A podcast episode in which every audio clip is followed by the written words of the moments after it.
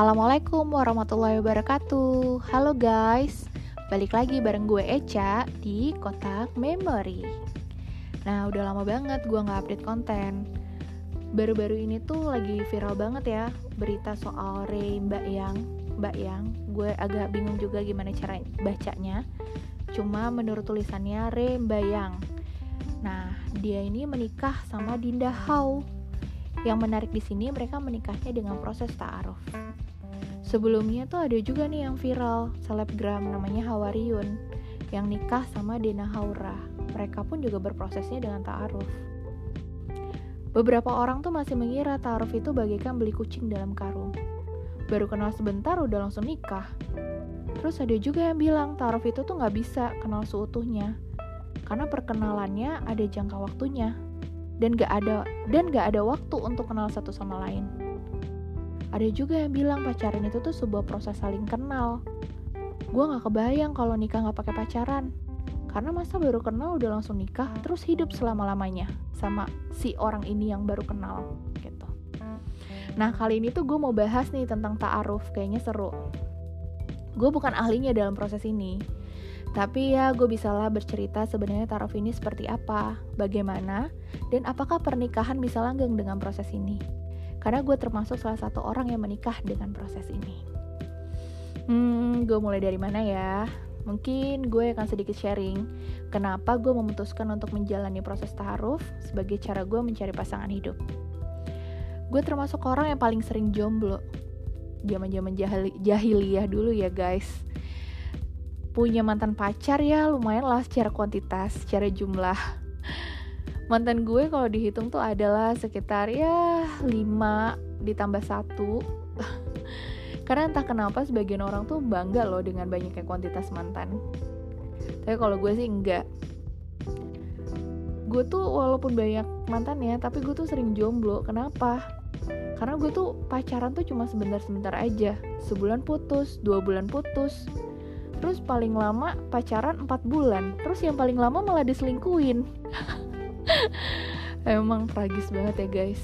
Nah ya begitulah. Itu uh, proses perjalanan hidup gue sebelum gue menemukan uh, si taaruf ini proses taaruf ini. Nah karena pacaran itu tuh nggak ada jaminan akhir akan happy ending guys menurut gue ya guys. Karena pengalaman gue itu kalau nggak jadi selingkuhan diselingkuhin. Atau enggak misalnya tiba-tiba gue ilfeel sama si orang ini terus gue putusin jadi pacaran tuh cuma muter-muter di situ aja guys. Kalau nggak jadi selingkuhan diselingkuhin diputusin atau nggak mutusin. Kayak tuh nggak ada happy endingnya. Karena happy ending itu cuma ada di drakor guys. Kita tuh selama ini tuh cuma dikungkung dengan persepsi drakor guys itu salah banget karena di dunia nyata itu tidak ada yang seperti itu ya. Mungkin jarang mungkin ada tapi jarang ya guys. Dan gue tidak mengalami itu. Anyway sekali lagi ini tuh cerita dan opini gue. Kalau kalian punya pendapat sendiri mengenai pacaran monggo silahkan. Karena setiap orang berhak berpendapat ya guys. Nah lanjut nih ke ta'aruf. Gue mau coba search sebenarnya definisi, definisi ta'aruf itu tuh apa ya Menurut Wikipedia, ta'aruf itu adalah kegiatan berkunjung ke rumah seseorang untuk berkenalan dengan penghuninya. Ta'aruf dapat menjadi langkah awal untuk mengenalkan dua keluarga yang akan menjodohkan salah satu anggota keluarganya. Ta'aruf dapat pula dilakukan jika kedua belah pihak keluarga setuju dan tinggal menunggu keputusan anak untuk bersedia atau tidak dilanjutkan ke pernikahan bentar dulu ya guys. Gue nafas dulu. Mhm. nah selebihnya mengenai perbedaan pacaran dan ta'aruf lo bisa lah search di google. Banyak kok yang jelasin. Berbagai macam definisinya dalil-dalilnya menurut Islam mengenai ta'aruf ini tuh banyak di google. Lo bisa search. Nah tapi di sini gue akan fokus ngebahas tentang pengalaman dan beberapa proses ta'aruf, gimana caranya ta'aruf bisa masuk di akal untuk menjadi sebuah proses yang cukup nyaman dan adil dalam mencari pasangan hidup. Kira-kira ada lima tahapan dalam ta'aruf yang mesti kita jalanin. Sekali lagi ini tuh bukan pattern ya guys, bukan yang oh harus lima tahapan ini gitu. Karena kalau misalnya lo pengen ta'aruf, lo harus mencari kakak pembimbing lo atau seseorang yang mengenalkan lo, yang mengerti ta'aruf itu sendiri dan dia akan membimbing lo ke uh, proses-proses ta'aruf ini. Nah ini yang gue sharing adalah proses ta'aruf gue. Oke, okay? nah ini beberapa proses taruh yang gue jalanin kemarin itu kira-kira ada lima tahapan. Dan di tahapan ini tuh kita bisa langsung berhenti atau bisa dibatalkan kalau misalnya kurang serak gitu. Dan itu harus disampaikan guys. Karena jangan sampai uh, kita tuh menikah itu ada PR-nya ada uh, sebenarnya nggak yakin tapi ya udahlah diyakin yakinin aja. Nah itu nggak boleh. Karena uh, kita tuh menikah itu untuk seumur hidup dan nggak mungkin dong kita mau ngerjain PR seumur hidup ya nggak? Oke lanjut. Nah pertama-tama proses yang dilakukan perkenalan itu melalui perantara. Perkenalan proses taruh ini tuh berbeda dengan perkenalan yang biasanya. Kalau lo dikenalin sama cowok atau cewek yang bertujuan untuk pacaran selain lihat foto pasti tukeran nomor handphone ya kan? Nah, kalau taruh itu beda guys. Misalnya orang ini tuh benar-benar kenal. Eh benar-benar belum kenal nih guys, belum kenal sama sekali. Nah, biasanya itu tukeran foto dulu. Kalau serak baru bertukaran CV atau biodata diri. Menariknya, biodata diri dengan ta'aruf ini tuh lebih rinci dan detail. Dimulai dari ya lo tau lah nama, terus keluarga, terus uh, cantumin juga guys golongan darah, riwayat penyakit. Terus kalau pakai kacamata berapa minus kacamatanya, punya riwayat penyakit apa, itu juga harus ditulis. Nah, sampai ke visi dan misi pernikahan. Nah, um, sebelumnya kita uh, si sebelumnya kita tuh harus uh, tahu ya karena CV ini sifatnya sangat konfidensial karena isinya itu sangat mendetail tentang diri kita, tentang si calon pasangan.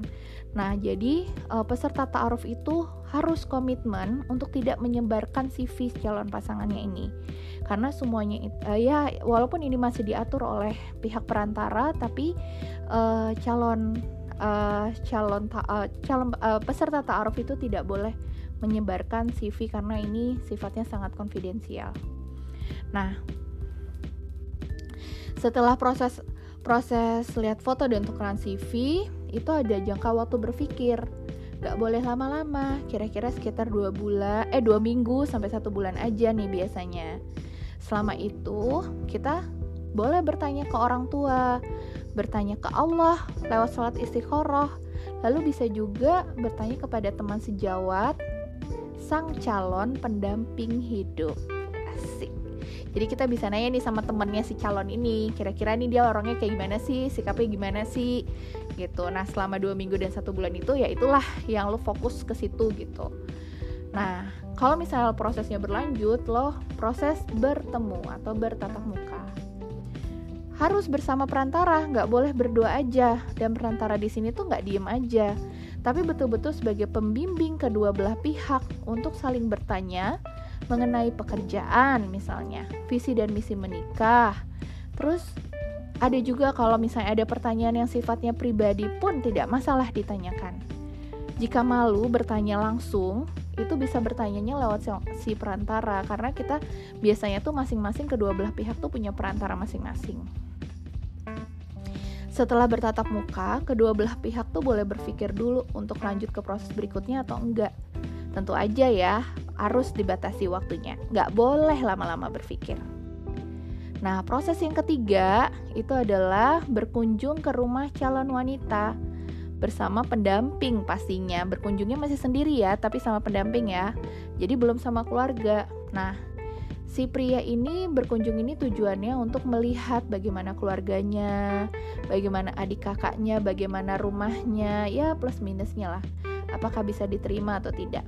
Setelah itu sang pria boleh pulang dan lagi-lagi diberikan waktu untuk berpikir untuk lanjut atau tidak di proses ini.